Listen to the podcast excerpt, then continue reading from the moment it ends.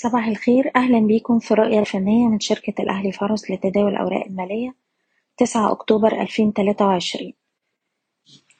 في جلسة امبارح المؤشر شهد ضغوط بيعية عنيفة كرد فعل للأحداث الجارية تراجع حوالي ألف وربعمية نقطة في بداية الجلسة وصلنا لمستوى الدعم الرئيسي تمنتاشر ألف ربعمية خمسة وخمسين نقطة.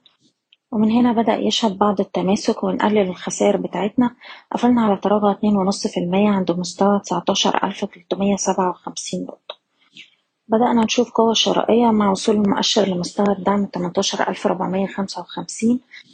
وبترجع أهمية المستوى ده بإنه بيمثل قمة سابقة منكسرة في ألفين وتمنتاشر واتكسرت واتحولت لدعم زائد إن هو نسبة تصحيح خمسين في المية من موجة الصعود الأخير وبالتالي المؤشر قد يشهد محاولات ارتداد من المناطق الحالية وفي الحالة دي هيواجه مستوى مقاومة أول عند تسعتاشر ألف تمنمية خمسة وسبعين نقطة وده أعلى مستوى اتسجل في جلسة امبارح وأصبح مستوى مقاومة هام.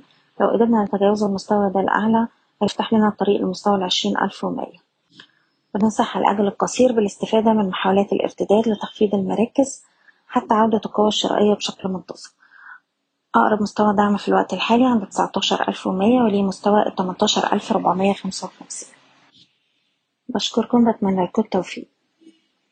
إيضاح الشركة المسؤولة عن أي قرارات استثمارية يتم اتخاذها بناء على هذا التسجيل.